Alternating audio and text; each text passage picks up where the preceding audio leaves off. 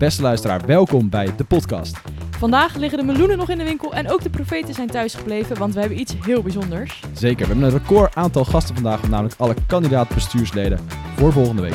Want volgende week is de focusdag en dan kan je op hen stemmen en daarom stellen we ze vandaag aan je voor. Van Israël tot de sleutelhangers, van Moria tot maximaal lenen en maximaal leven.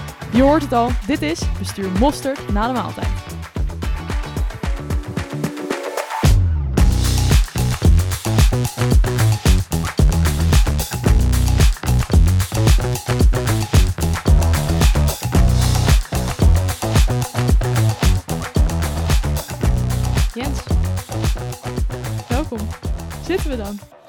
Ja joh, de staartje van ons eh, bestuurstermijn eh, nog even een hele speciale podcast opnemen vandaag. Ja, spannend. We hebben vandaag geen meloenen.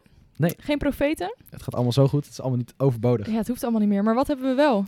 We hebben ongelooflijk veel geweldige kandidaten eh, die we gaan voorstellen in deze podcast. Of Ja. die zichzelf mogen gaan voorstellen en die wij kritisch gaan bevragen. Dus dat wordt erg Ja. interessant. Ja. Zeker. We hebben een aantal dubbele voordrachten, een aantal enkele. Ja. Ehm, ze komen allemaal aan bod. Want volgende week is het tijd voor onze focusdag. Zeker, 10 juni wordt er gestemd eh, op het nieuwe bestuur. En eh, dit is jouw kans om eh, ja, kennis te maken met iedereen. Het is te kijken op wie jij je stem gaat uitbrengen. Precies. Wat ja. vind jij van de kandidaten?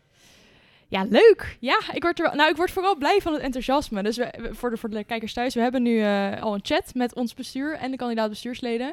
Wordt al redelijk in gespamd. Er komen al ideeën voorbij voor promomateriaal, voor politieke profilering, weet ik het allemaal. Ze hebben er heel veel zin in en dat vind ik wel echt lachen. Ja, dat is echt geweldig om te zien. Die enthousiasme voor de organisatie. Ik bedoel, je, je zet je daar zelf een jaar lang in. Doe je zoveel je kan. En dan zie je gewoon dat er zo'n geweldige enthousiaste groep. Klaar staat om het over te nemen. Dat Ja. is wel eh. Ja, want ik dacht, voor het bekend werd, is het toch wel even spannend van... Inderdaad, je steekt er alles in een jaar en je wil gewoon dat volgend jaar ook nog goed gaat. Ja. Dus dan is het toch even van, ja, zijn er wel sollicitanten en zou het wel goed komen? Maar dan zie je dit en denk je, ja, dit is top. Hoe zijn jouw eh, laatste weken? Ehm, ik vind het wel intensief, moet ik zeggen. Het is toch wel een druk jaar geweest. En dan weet je van, het einde komt er bijna aan. Ehm, ja, het is wel... eh, het is veel, maar ook nog steeds leuk. Ja, Ja, ja, voor ja. jou? Ja, het is al, eh, deze laatste weken zijn wel echt eh, erg druk. Uh, Temprotest ach- net achter de rug. Toen ja, de klimaatdemonstratie. groot succes beide. Dat is wel heel ja, vet. zeker. Dat is heel gaaf om te zien. Maar dat merkt ook wel, als in, er zit ook nog een ChristenUnie-congres. We, zitten, we nemen dit op net voor het ChristenUnie-congres. Ja. Eh, dus daar zit nog een hoop werk in. Perspectiefcongres volgende week. Dus de, de Ja. druk zit er goed op. Maar Ja. het, is, eh, het is ook wel weer mooi om met een eh, knaller af te sluiten. Precies. Ja. Laten we beginnen. Ja, we gaan eerst kandidaat goed erbij roepen. Ja, gaan we doen.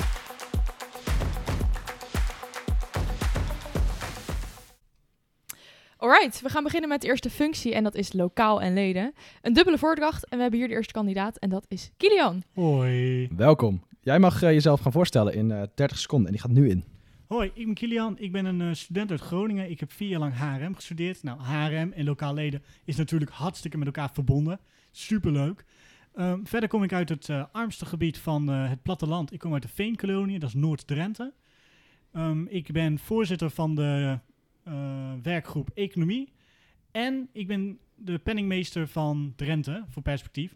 Dus als het gaat om bimmen perspectief en al dat soort dingen, ja, dan ben ik echt wel je man. Netjes, goed, eh, goed ingewerkt binnen orga- onze organisatie dus. Nou, dat is de timer die je hoort. Dat is de 30 seconden. Daar ben je heel netjes eh binnengebleven. Perfect. En je zei HRM gestudeerd. Eh, heb je dan concrete dingen die je daaruit meeneemt om leden te gaan werven? Want wij willen heel graag dat jij heel veel leden gaat werven. Ja, ledenwerven is natuurlijk een heel groot onderdeel van het zijn van lokale leden. En van HRM. Ik bedoel, als we het, het meest standaard model van HRM in- inpassen, is het drie van de vijf standaard eh, onderdelen. Werven, selecting, job- en functiemodellen. Nou, ik ben daar helemaal in gegroeid in al die dingen. Wat ik wil is een spraakmaker worden. Het is belangrijk dat wij op de koffietafel dat perspectief een onderdeel van gesprek wordt. Kijk, dat hoeft niet dagelijks, maar gewoon dat we af en toe bam, bam, bam weer in opkomst komen, zodat mensen ons allemaal kunnen zien en horen. Dat is stap 1. Oké, oké, netjes. Veel enthousiasme. Eh, we hebben vorig jaar ook ingezet, eh, of afgelopen jaar eigenlijk, flink ingezet op onze campagne. Durf te hopen hebben we ingezet. Er komt er ook merch bij kijken. Staat er achter ons voor de kijkers op de Instagram. Subtiel in beeld. Eh, ten eerste, wat vind je daarvan? En ten tweede, welk promotiemateriaal denk je van, dit moet er echt nog bij? En welke van denk je, dat eh, kan wel eh, ietsje minder, kan de deur uit? Om het spraakmaker te worden, moet er een klein beetje mysterieus bij zitten. Want ja, je bent geen spraakmaker als iedereen alles al direct weet. Dus bijvoorbeeld eh, perspectief sokken met alleen het ankertje. Of een hele leuke polo met alleen het ankertje. Mensen gaan vragen, hey, van waar heb je dit, eh, dit polootje? Van de, ja, want ze herkennen de, de, het logo niet. En dan ben je opeens een spraakmaker. Want dan is het opeens, ja, die heb ik van perspectief. En dat is dit en dit en dit.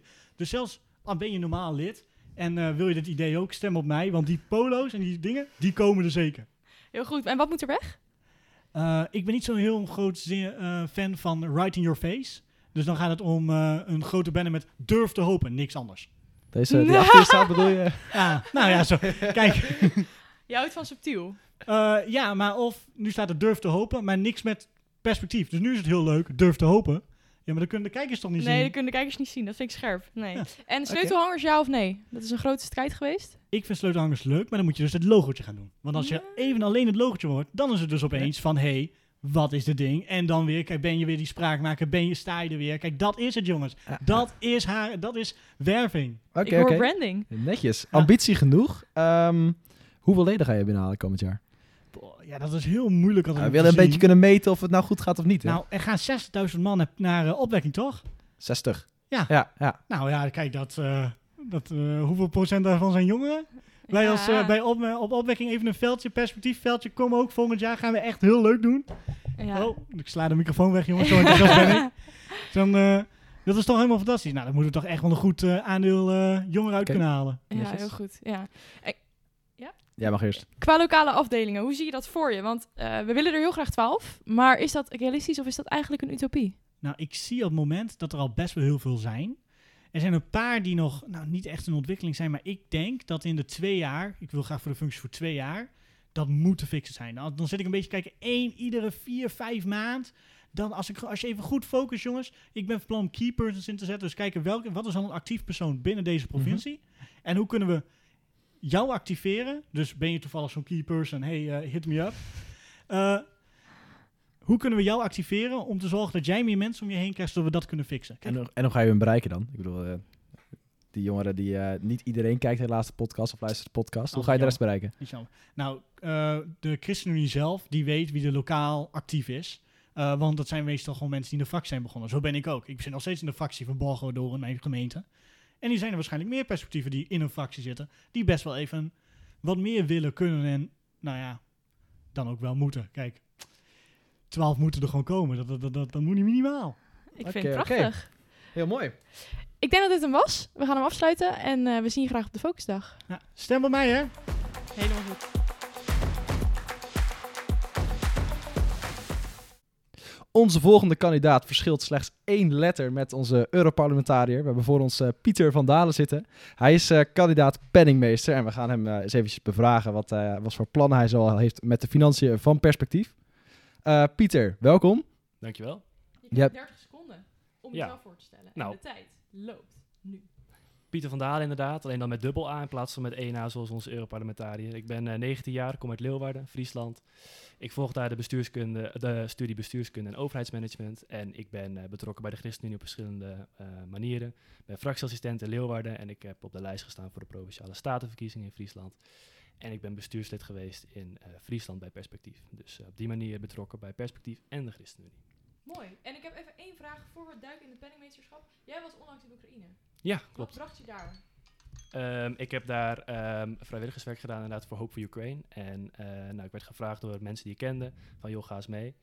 En toen ben ik met twee hele goede vrienden van mij daar naartoe gegaan. Ehm, uit het oog van ja, ik heb die oorlog heel erg gevolgd met podcast, met nieuws. En het raakte me zo, die beelden die ik daar zag. En ehm, toen dacht ik van nou, daar wil ik heen, ik wil iets doen. Dus toen ben ik meegegaan met een organisatie die naar Irpin ging. Dat is eh, een plek boven Kiev waar de Russen zijn geëindigd in een invasie aan het begin.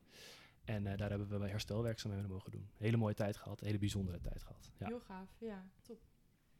Oké, dan gaan we nu toch echt naar de financiën. ja Zeker, zeker. We gaan eh, gelijk maar gewoon de vraag die iedere penningmeester ongeveer wordt gesteld eh, stellen. Dat is eh, waarop eh, kan het bezuinigd worden met een perspectief en welke dingen absoluut niet?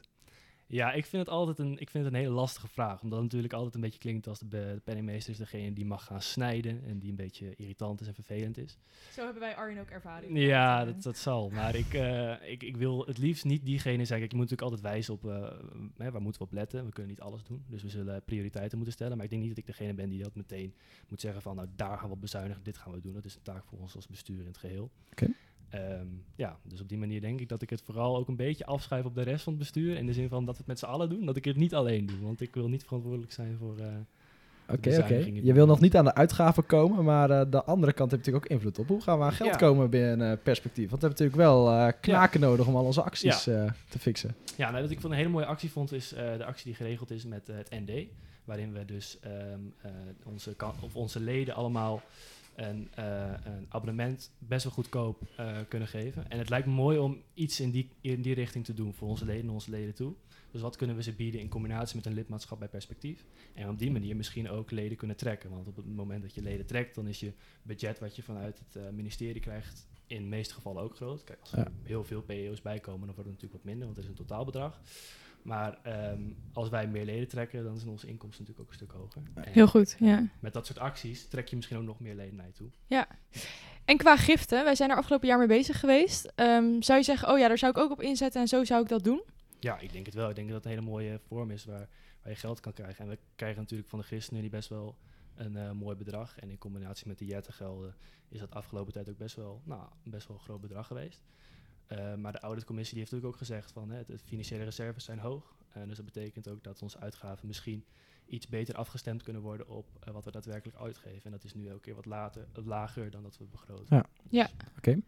We gaan eh, afsluiten met nog één eh, laatste vraag. We willen jou eh, persoonlijk ook natuurlijk een beetje leren kennen. Mhm. Hoe ziet jouw persoonlijke financiën eruit? Ben jij van het type maximaal lenen, maximaal leven of gaat er toch anders aan toe? Genieten ik- van Ome Duo? Nee, ik geniet. Ik, ik leen helemaal niks op het moment. Ik woon natuurlijk nog bij mijn ouders. Ik woon nog in Leeuwarden. Dus in die zin leen ik nog niks. En heb ik nog, sta ik nog in de plus. Maar in- binnenkort hoop ik op kamers te gaan. Dus dan wordt het allemaal wel wat lastig en wat meer passen. Maar in principe is mijn uitgangsregel dat ik niks hoef te lenen. Ook voor later. Dat is eh, het meest houdbaar, denk ik. Nou, als je dat meeneemt het bestuur eh, in, dan Ja. is Arjen heel blij met jou. Oh, dat komt helemaal goed. En wij alle vertrouwen in. Pieter, dankjewel dat je er was. Ja, en eh, wij gaan door naar de leuk. volgende kandidaat. Tot op de Volksdag.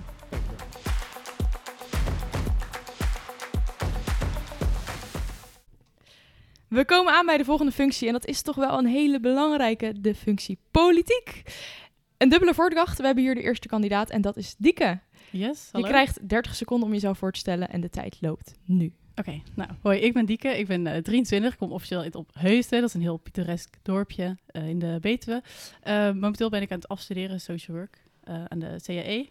En ehm, ik werk ook in de zorg als ambulant begeleider. Ehm, ik heb nog 13 seconden. zie ik. Waarom wil je bestuurslid worden? Ehm, nou, ik heb niet super veel ervaring in de politiek, maar dat is eigenlijk denk ik juist mijn grote voordeel, omdat ik ehm, echt met mijn pootjes in de klei heb gestaan in eh, Griekenland en ook eh, Nederland in de samenleving. En nu is het denk ik mijn tijd om eh, in de politiek actief te worden. Wat heb je in Griekenland gedaan? Ehm, ik heb eh, in het vluchtelingenkamp gewerkt, in totaal een jaar. Kijk eens aan. Ja, dus eh, Jens, eh, dat wist jij, en wist jij dat helemaal Ik niet? had het nog niet eh, Nee? meegekregen. Interessant. Welke vluchtelingenkamp heb je geholpen? Eh, oh, dit heb- gaat uit de hand lopen. We maken er even 10 minuten van. Eh, ik heb een half jaar op eh, Lesbos eh, gezeten in Kamp Moria en eh, ook een half jaar op Samos in eh, kamp Servu. Maar dat is een heel andere setting, want dat is een gesloten eh, kamp. Wauw, mooi. Ja. Ja. Dus eh, ik ken al je verhalen. Doet dan ook iets met jouw motivatie voor perspectief? Of zeg je dat dat staat hier los van? nou, ehm, asiel, eh, dat, dat ligt wel eh, echt eh, in mijn hart eigenlijk. Eh, dat, dat, eh, er ligt wel een stukje van mijn hart ook op eh, Lesbos en Samos. Ehm, maar en in Nederland vind ik het ook verschrikkelijk wat er gebeurt, dus dat zeker. Maar politiek is natuurlijk veel meer dan eh, alleen asiel, dat besef ik Ja. goed. Ja. Ja, dus als we kijken naar jouw speerpunten voor komend jaar. Ik denk dat ik asiel inderdaad al op mag schrijven. Dat was Ja. dit jaar ook zo, dus dat is ook wel fijn. Hebben we een beetje consistentie, dat is eh, prettig. Ja. Wat zijn nog meer thema's waarvan je zegt, daar wil ik nou echt iets op betekenen? Ja, ik heb eh, hier heel goed over nagedacht eh, natuurlijk. Over wat, waar ik eh, echt wat mee wil. En eigenlijk is eh, mijn punt nog niet helemaal geslepen. Want ik wil eerst met de leden in gesprek over wat zij nu echt heel belangrijk vinden. En dan ehm, ja, echt die speer gaan werpen, zeg maar. En dingen waar ik me echt wel eh, ja, heel erg hard voor wil maken... is dan asiel, eh, de zorg, klimaat, dat soort dingen. Ehm. En ook wel onderwerpen die eigenlijk misschien wel spelen in de maatschappij... maar niet heel veel aandacht krijgen. Dat vind ik ook heel belangrijk. Heb je daar een voorbeeld bij? Ehm, ja, bijvoorbeeld de prestatiemaatschappij of magnetronmaatschappij, hoe je dat ook wilt noemen, wat nu best wel actueel is, denk ik, maar waar niet heel veel aandacht eh, aan wordt gegeven. Ja, dat zou ik ook wel gaaf vinden om daar wat mee te doen. Oké. En nog even terug op de zorg. Wat, eh, wat moet perspectief doen met zorg? Als politiek onderwerp? Ja, wat niet. Ehm, nee, ik denk bijvoorbeeld eh, waar Maarten van Ooyen natuurlijk heel goed mee bezig is met jeugdzorg, dat, dat we daar ook wel een soort van een, een setje in de rug kunnen geven met de, de actualiteiten. Ehm, en ik denk dat we daar vooral heel veel aandacht voor kunnen vragen. Ehm, ja, en ik heb daar natuurlijk zelf, eh, ik, ik werk er middenin, dus eh, ja, dan zie je ook al veel dingen gebeuren die misgaan of die juist heel goed gaan en uitvergroot kunnen worden. Ja, en ergens aandacht voor vragen kan op meerdere manieren en richting meerdere Ja. doeleinden. De media natuurlijk, maar ook onze eigen Tweede Kamerfractie. Hoe zie je die contacten voor je? Hoe zou je dat willen aanpakken? Om te zorgen dat er ook in de Tweede Kamer echt naar ons geluisterd wordt. Ja, het lijkt me heel belangrijk om echt eh, persoonlijke contacten te hebben met eh, onze fractie in de Tweede Kamer dan. Eh, dus daar zou ik echt op, op in willen zetten. Dus het lekker contact gaan leggen. En daarnaast, ehm, als het echt wat grotere thema's zijn die in de hele Tweede Kamer aandacht verdienen, zou ik daar echt wel ludieke acties voor op willen zetten. Ik had bijvoorbeeld, pas had Rutte een aantal weken geleden, zei Rutte iets over een lek bootje waar we in aan het roeien zijn. Ja. Ehm, nou, toen was ik daar zo een beetje over aan het mijmeren. Toen dacht ik, oh, hoe vet als we echt een bootje neer zouden zetten. zou die gewoon in de hofvijver gooien. Ja. En dan, ja, mooi, mooi. Ja, En dan nog even een, een vraag voor... ehm, hoe kijk jij nu aan eh, tegen de ChristenUnie? Het een beetje goed? Wat zijn thema's waarop je zegt van... Ja, jongens, kom op. We moeten toch een stukje scherper eh, op zijn als christelijke partij. Poeh. Ja, dat is een goede vraag. Ik eh, vind dat ze het best wel heel goed doen eigenlijk. En ehm, ik denk dat ze zich soms wat meer mogen uitspreken. Zeker ook asiel. Want, we hebben natuurlijk een prachtig tentprotest gehad. Ehm, daar had ik graag wat meer aandacht van, van hun willen hebben. Ehm, dus dat zeker. En ja, wellicht, ik, ja, wat ik bijvoorbeeld heel goed vind gaan is Maarten van Ooyen en eh, zijn eh, aandacht voor de zorg. Dat, daar maakt hij echt flinke stappen. Dat vind ik echt fantastisch. Dus daar ben ik dan ook heel trots op. Ja, en als bestuurder politiek heb je ook contacten met de andere PO's. Ja. Welke PO's zeg je, oeh, daar zou ik graag mee willen samenwerken? En zijn er ook waarvan je denkt, nou, die hoeven van mij niet? Oeh, nee, ik zoek altijd samenwerking op. Dus dat eh, met alle politieke partijen, zeg maar, met alle PO's. Dus dat, ik zou niet willen zeggen dat eh, eentje, daar zou ik niet mee willen samenwerken. Ik weet wel dat de SGPJ heb ik wel eh, flinke ehm, dingen waar ik het niet mee eens ben, bijvoorbeeld. Maar eh, kom maar op, daar wil ik graag over in gesprek. En dan wel ook echt gesprek. Ik hoef niet per se alleen maar debat. Ja, Ik wil meer gesprek, want dan komen we verder. Oké. cool. Ja. Helemaal goed, we gaan hem afsluiten, want de tijd is er bijna voorbij. Yes. Bedankt dat je hier was en eh, succes met de campagne. Dankjewel.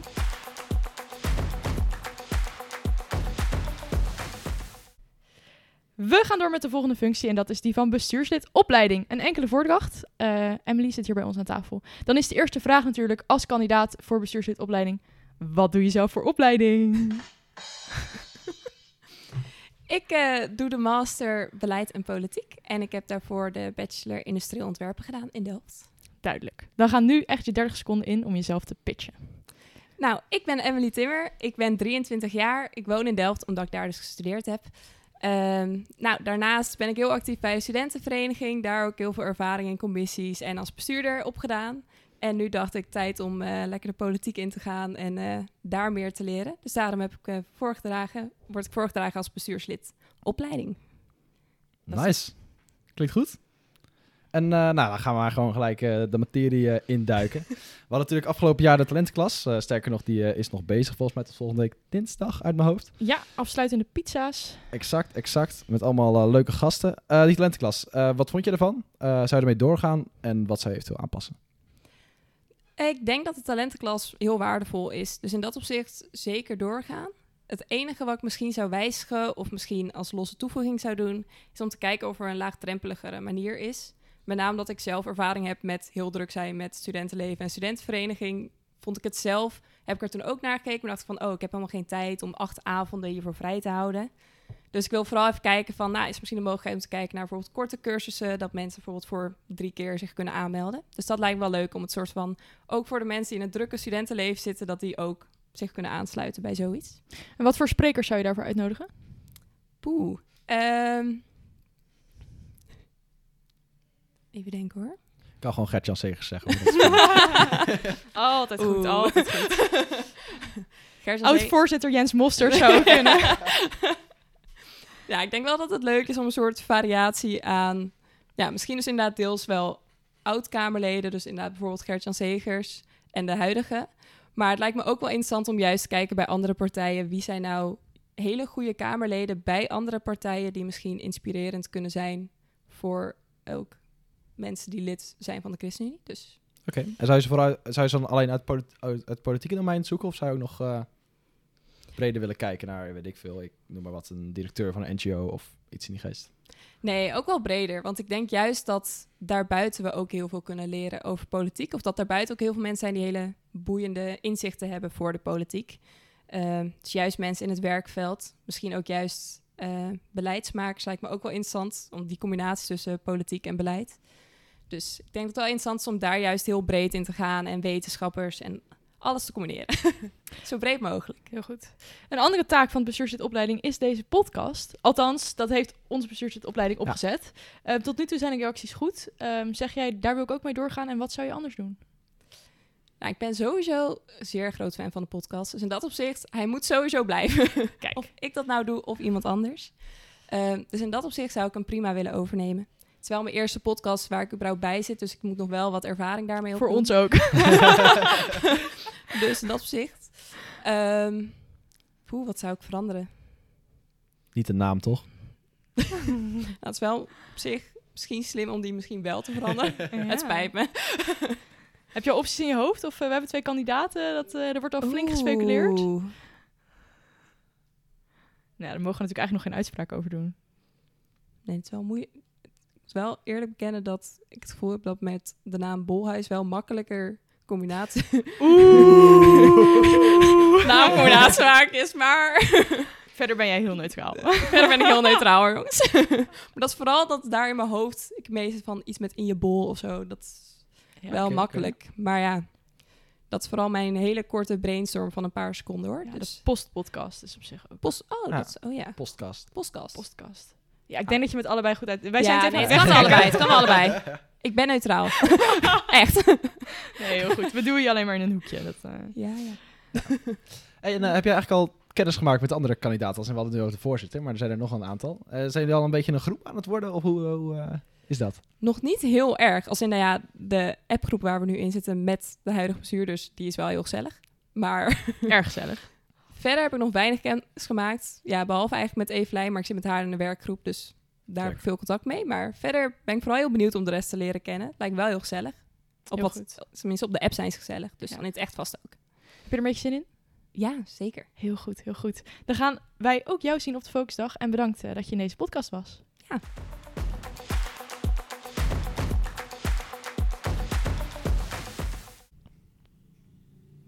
Zo, en we zijn aanbeland bij onze tweede kandidaat voor de post lokaal en leden.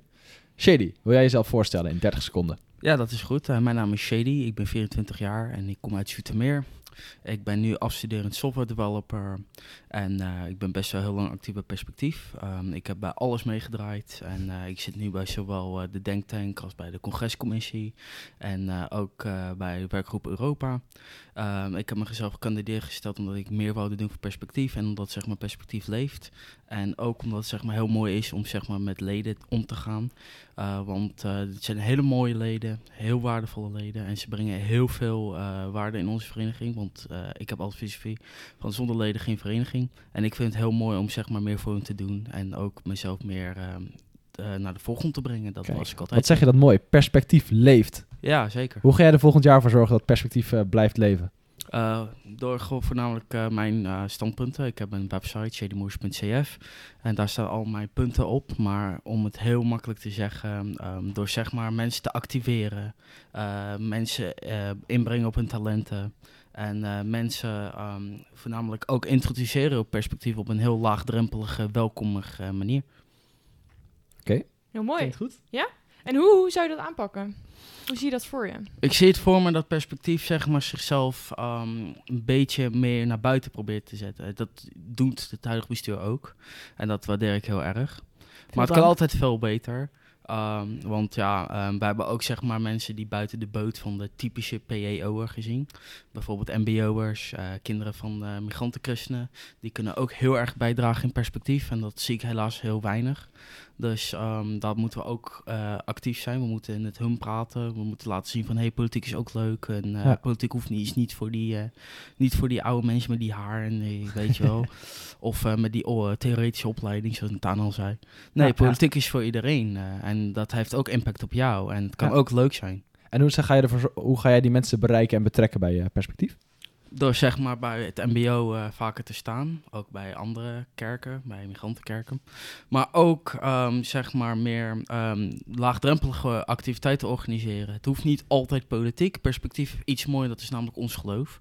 En eh, dat bindt ook ons. Dus stel voor dat wij oneens zijn met elkaar, dan, eh, dan verbindt dat nog. Ja. En dat vind ik heel mooi. En ik denk van daar heeft perspectief heel veel potentieel in. Ja. En dat is ook echt heel mooi om te zien. Dat, eh, dat, dat zie je niet heel vaak bij andere PEO's. Mooi. En daar kan je echt een heel goede, Ja. betekenisvolle verbindenis maken. Mooi. Ja. Kun je ons een tipje van de sluier geven wat een laagdrempelige activiteit gaat zijn volgend jaar? Mocht jij bestuurslid worden. Dat, ja, dat staat al op mijn site. Maar ik heb bijvoorbeeld zeg maar een ding dat heet huiskameravonden. Waarvan wij zeg maar ook even toe praten over onderwerpen dat niet zoveel met politiek te maken hebben. Maar ook gewoon zeg maar activiteiten zoals bowlen, midget misschien naar theater gaan, dat soort dingen. Dat zijn dingen die ook verbindend zijn. Ik bedoel, het is ook wel zo dat een, eh, ik bedoel, wij zijn niet zeg maar alleen, wij zijn ook jong, weet je. Dus eh, dat moeten we ook kunnen doen. Ja, ik. top. En jouw functie is voor de helft leden, voor de helft lokaal. Klopt. Eh, we hebben het nu gehad over leden. Het stukje lokaal. Eh, wat zeg jij? Twaalf afdelingen. Is dat reëel of is het eigenlijk een utopie? Mensen die zeggen dat utopie zijn, dat, die weten echt absoluut niet wat het, hoe zo'n vereniging werkt. Die Want, kun je in je eh, zak steken, Annelle. Ja, heerlijk, heerlijk. Want, oh, stom. nou, hoe dan ook, ehm, een, op een eh, lokale afdeling moet je eigenlijk ehm, rustig op aanbouwen. Je hoeft niet, zeg maar, gelijk te rushen. Je gaat ook niet een plantje, zeg maar, elke keer opgraven, elke 30 seconden om te zien of het groeit. Ehm, dat denk ik ook dat met eh, eh, afdelingen zo moet zijn. Ik weet wel dat ieder perspectiever of ieder politiek actief persoon die is gestart met politiek voor één reden. En dat is namelijk om, zeg maar, inderdaad iets voor hun maatschappij te doen. Iets voor hun samenleving te doen. En dat drive had ik ook. Dus daarom was ik zeg maar bij betrokken bij de ChristenUnie Schiedam. En ook nog bij de ChristenUnie. En toen zei Anna Lijn, die zei tegen mij van... Ja, er is een jongerenafdeling van de ChristenUnie. En ik zeg, ik wist dat niet eens dat dat is. Dus toen werd ik lid geworden. En toen zag ik heel gemotiveerde jongeren. Dus eigenlijk heb ik zeg maar de unieke mogelijkheid... dat eh, ik van de CU naar perspectief ging. Terwijl dat normaal gesproken altijd anders Ja, is. ja, dat mensen van perspectief naar CU gaan. Nee, maar andere afdelingen. Een afdeling moet je voornamelijk opbouwen. Je moet ze voornamelijk ondersteunen. En de issue eigenlijk gaat niet om afdelingen op te richten. De issue gaat voornamelijk om eh, afdelingen loka- eh, bij te houden. Want je kan een statuair, kan je zeg maar perspectief Groningen oprichten bijvoorbeeld. Of perspectief Overijssel. Maar als ze niks doen, of als ze zeg maar inactief zijn, dan is het een probleem. Oké. Heel Top. goed. En daarmee komen we alweer aan het einde, want de tijd is alweer voorbij. Bedankt Shady en eh, tot op de Graag gedaan. Volksdag. Ja, tot op de focusdag.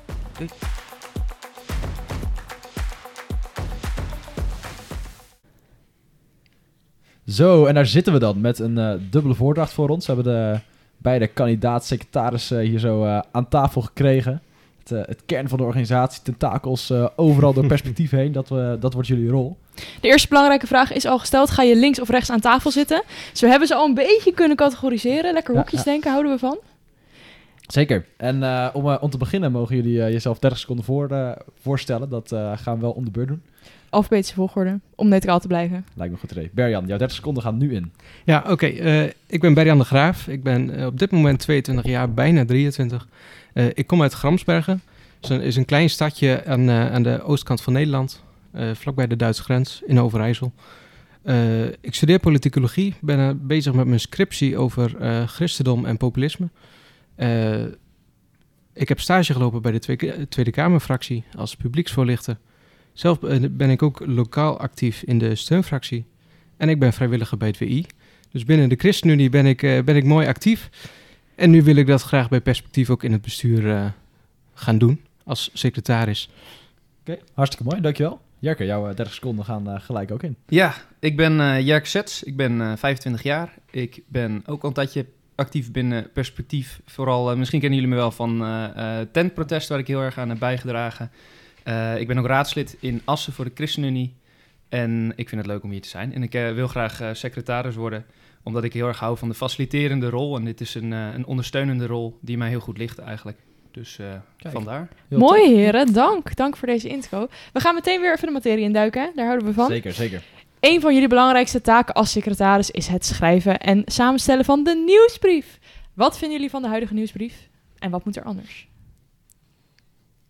Nou, als ik eerst, eh, eerst al even wat zal zeggen. Eh, ik vind dat de basis van de nieuwsbrief goed is. Gewoon een mooi, duidelijk eh, overzicht van wat gaan we doen de komende tijd. Eh, alleen er zitten natuurlijk wel verbeterpuntjes in. Ik zou zelf graag een, een inhoudsopgave zien, wat je weet, wat je aan het lezen bent van tevoren. En ook qua, qua opmaak en eh, titels eh, zouden nog wel het een en ander kunnen verbeteren.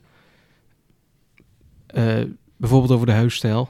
Eh, ik verwacht dat we daar zo meteen ook nog iets over gaan hebben, maar dat kan in de nieuwsbrief zou dat ook iets, iets beter kunnen. Spannend. Ik vind het een soort cliffhanger voor straks. Ja.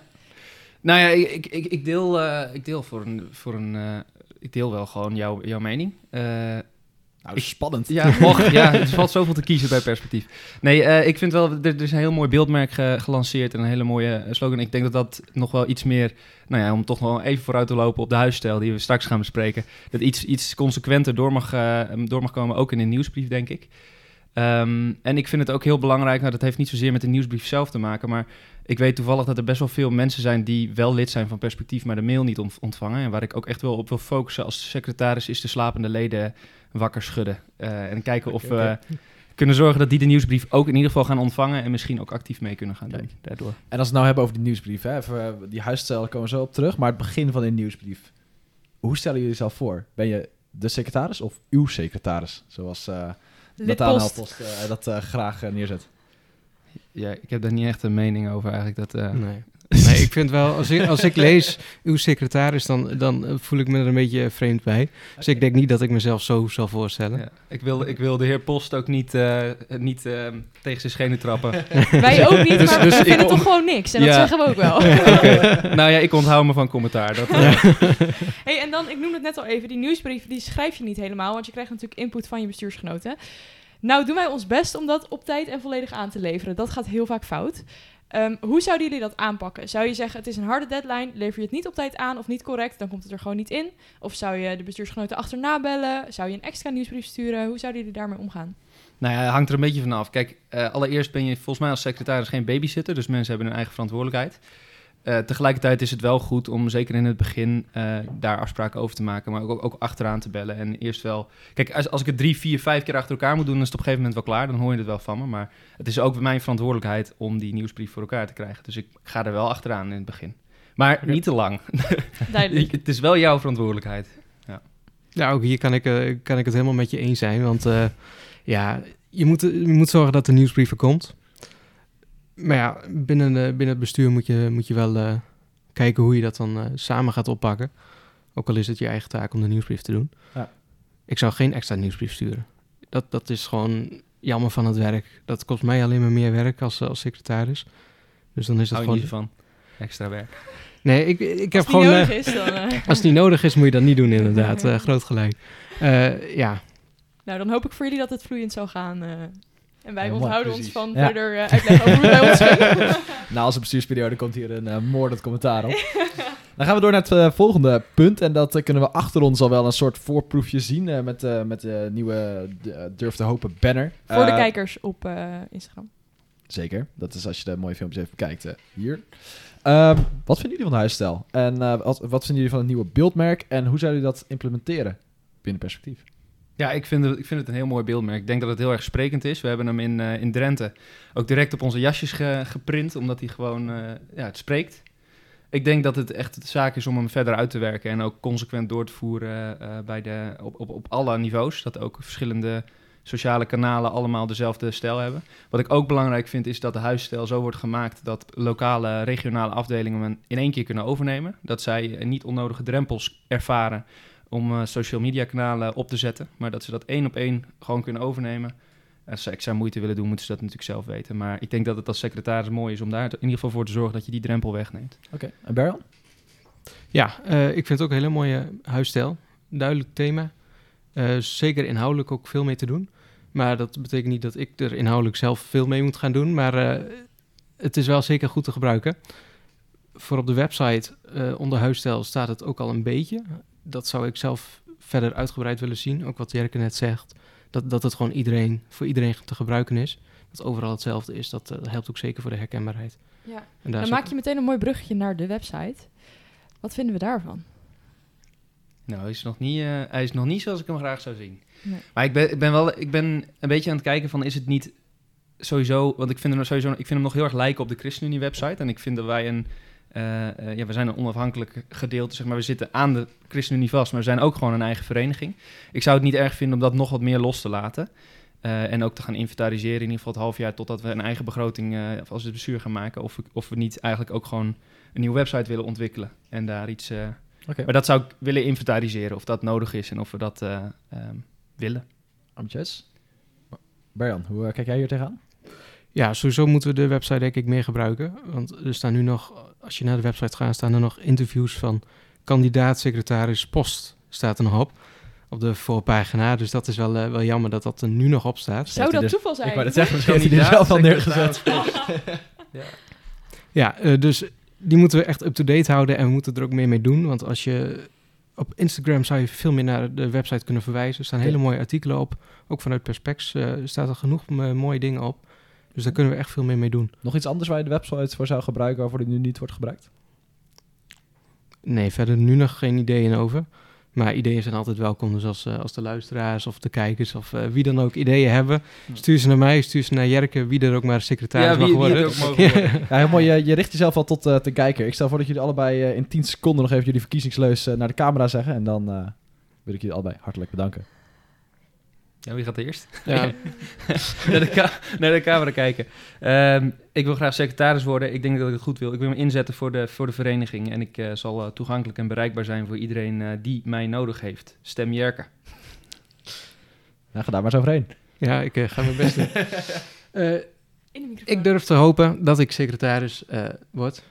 Zodat we samen met perspectief we durven te hopen op een mooie toekomst. Stem Heren. Veel dank. We gaan afsluiten.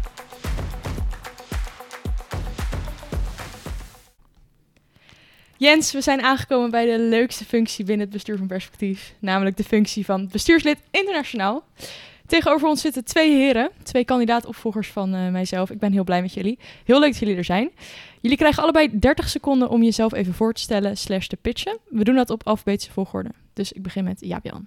Je tijd loopt nu. Oké, eh, ik ben Jap-Jan, 20 jaar, bestuur, eh, kandidaat bestuurslid internationaal, zoals genoemd.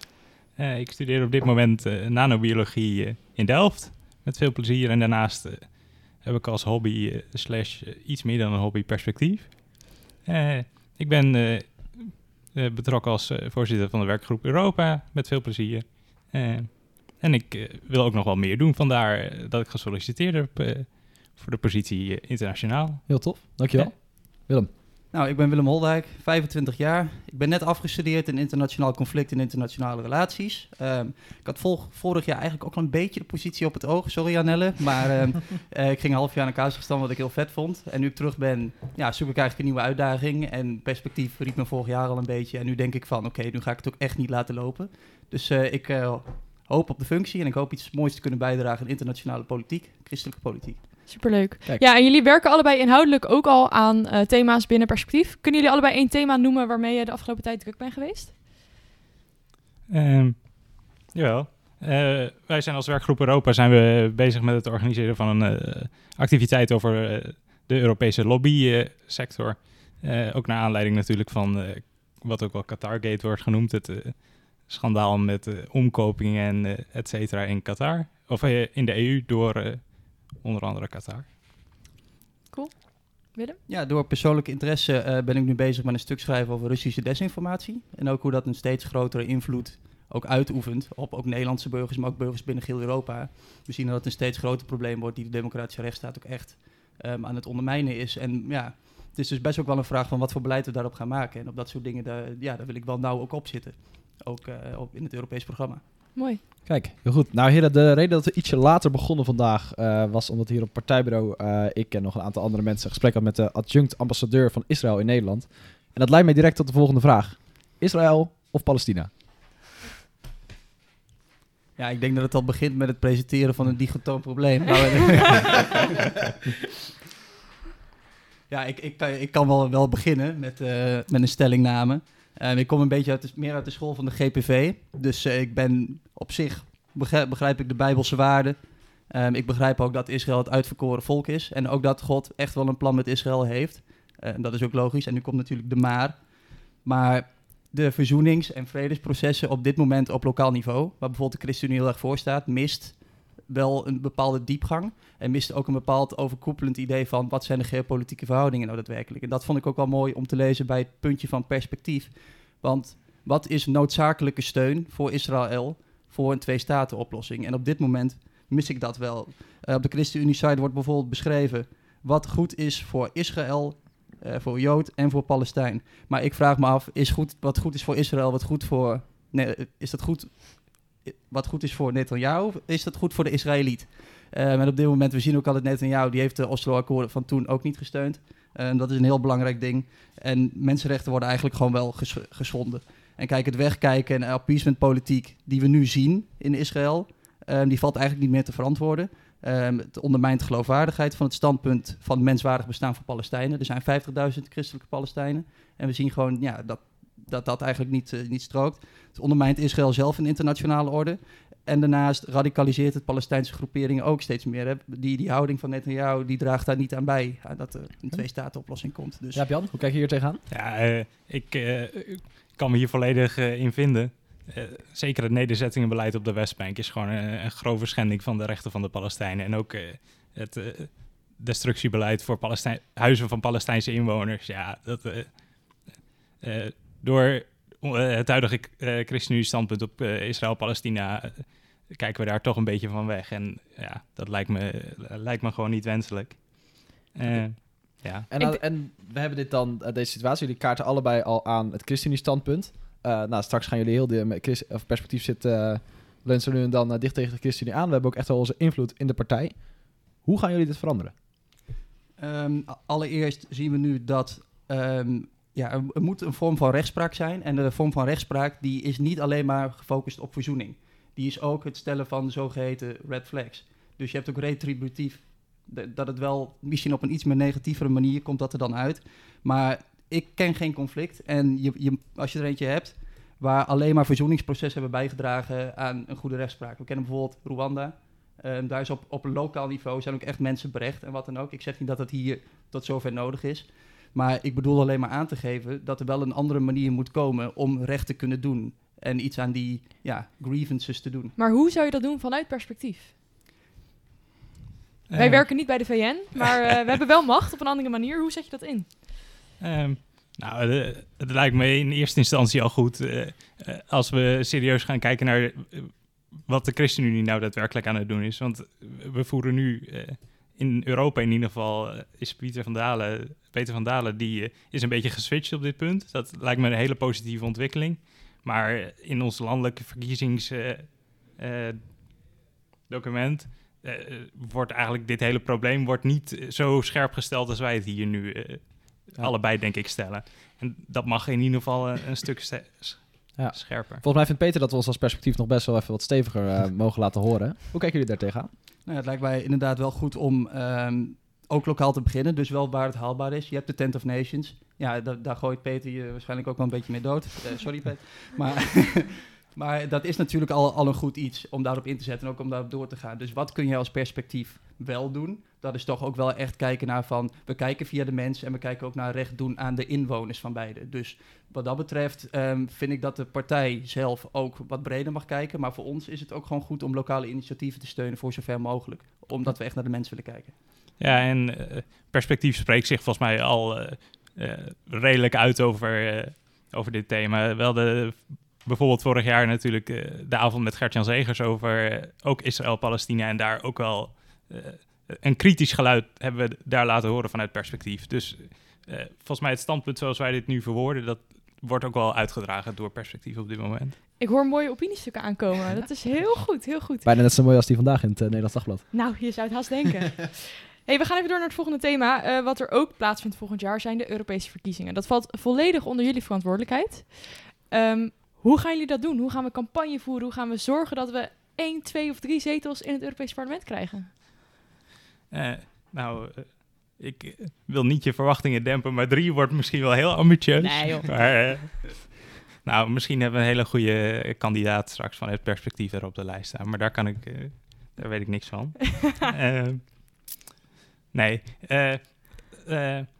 Wat ik denk dat belangrijk is, is dat we tegenwoordig staan op een, eh, eh, nou ja, een kruispunt misschien van ook wel de internationale wereldorde. Dat klinkt misschien wat groot, maar eh, we zien de opkomst van China natuurlijk als politieke macht in, in de wereld. En ook dat ze proberen toch wel de rol van de VS over te nemen in bijvoorbeeld vredesonderhandelingen. Iran, Saoedi's hebben we gezien.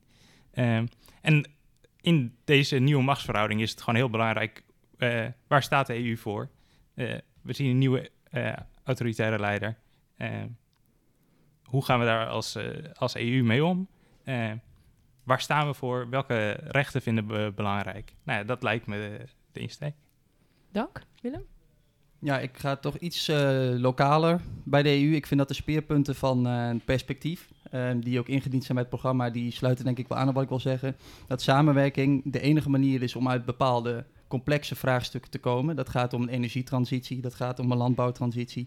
Maar daarna zien we altijd weer het probleem binnen de EU. Als de capaciteit van de EU groeit, kan de legitimiteit van de burgers daaronder lijden.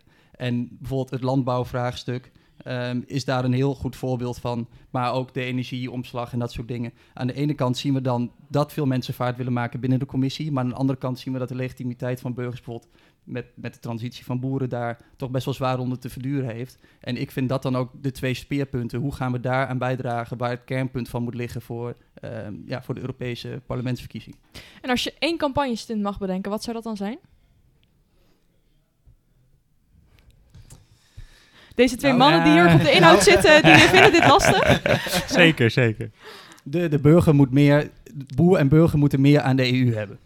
Een campagnestunt. Ja. Hoe ga je dat doen? Jij gaat op je te kijken naar het Malieveld? Of, eh? Ik ga, ik ga niet per se kijken naar het, Ma- naar het Malieveld. Maar ik vind wel ehm, dat er vaak, te vaak de perceptie is dat het voor een bepaalde hoge elite is. En we moeten iets meer doen aan, ja, aan onze legitimisatie van de EU. Dat is heel belangrijk om het, om het standvastig te houden. Legitimisatie voor de EU. Kijk, zo gaan we iedereen overhalen. Wat zou jouw campagnestunt zijn? Ehm, ja. Eh, dit is ook eh, niet mijn, eh, per se mijn eh, gebied van expertise, moet ik toegeven. Maar het lijkt me in ieder geval mooi om iets te doen met het, het laten zien hoe de EU toch in het dagelijks leven van mensen impact heeft. Want we zien dat de EU gewoon niet heel erg leeft bij mensen. De opkomstcijfers van de Europese verkiezingen zijn laag, triest laag. En dat komt denk ik ook omdat de EU ver weg is. En mensen het idee hebben dat het weinig impact heeft. Maar eh, het tegenovergestelde eh, lijkt me waar. Ja, ja klopt. En ehm, nou, één ding wat wel impact heeft op lokaal niveau, die moest ik even infietsen, is uh, visserij. dat, is, dat is heel belangrijk om even te noemen. Welke stemmers probeer jij te winnen? Ja, maar, natu- bepaalde flank is dat natuurlijk. maar natuurlijk ook eh, het hele natuurbeleid, Natura 2000 gebieden, komt allemaal uit de EU. Dat is zeker waar. zeker. Kijk, Mannen, ik kan hier nog uren met jullie over doorpraten, maar we zijn echt door de tijd heen. Ehm, ik denk dat we gaan afsluiten. zeker. Dankjewel. Dank.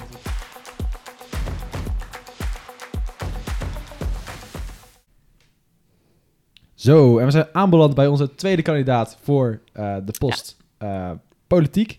Een bekende, Evelijn, zit nu ook al eh, in het Hi, bestuur en gaat ja. nu eh, solliciteren voor eh, politiek. Evelijn, je mag jezelf eh, voorstellen in 30 seconden.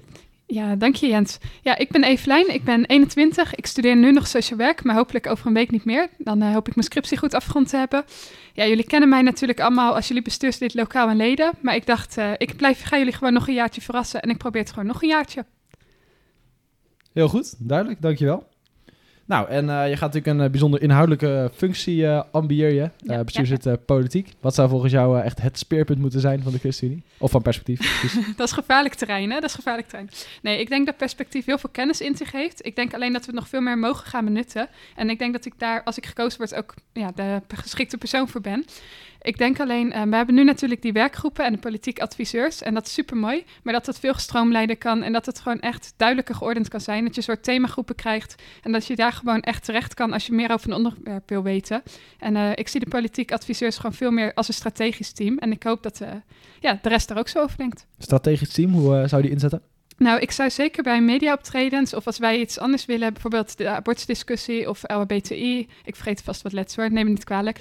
Ehm, maar ik denk dat daar veel meer strategisch over nagedacht kan worden. Dat we niet altijd met kennis moeten gaan gooien, maar dat we ook zelf het initiatief mogen nemen. En ik denk dat daar de politieke adviseurs echt wel kennis van hebben en geschikt voor zijn om ons daarbij te helpen. Oké, oké, interessant. Ja. En eh, wat is nou jouw persoonlijke drijfveer? Heb je iets, een dossier die jou bijzonder raakt, waar je bijzonder extra voor wil inzetten?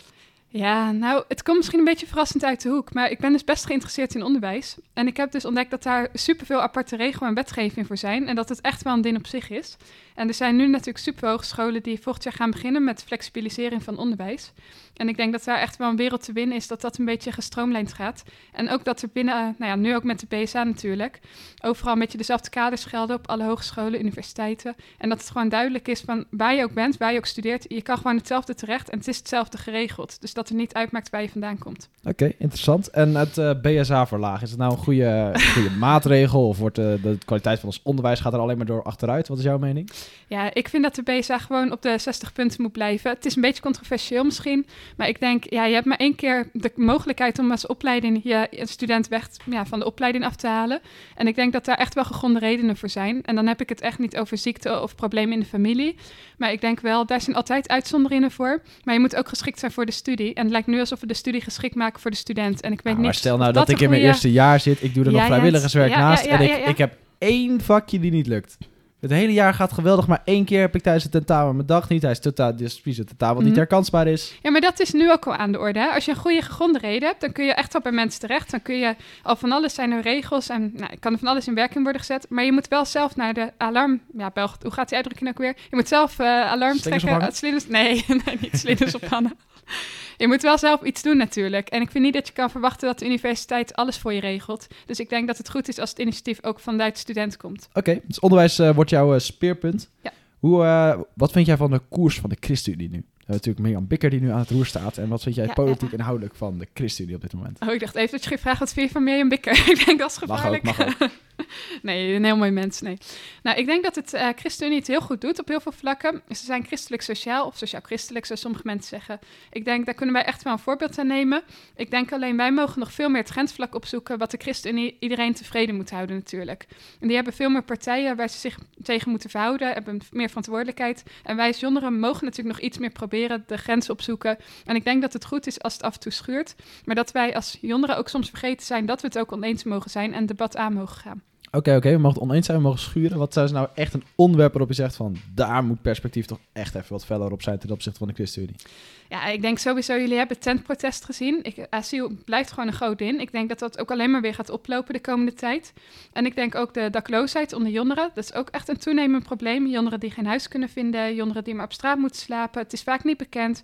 En nou je neemt natuurlijk ook de kansen van jongeren weg, omdat zonder opleiding je ook eigenlijk niks kan. Dan kun je geen huis vinden en zonder huis kun je geen werk vinden. Weet je, je hebt Nee. die cirkelverbinding. Ja. Dus dat we echt de bestaanszekerheid van jongeren echt nog wel mogen verbeteren. Mooi. En eh, moet de ChristenUnie uit het kabinet?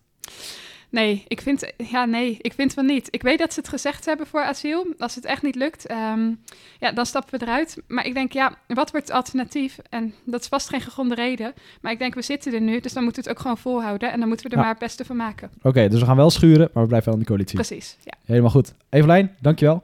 Dankjewel.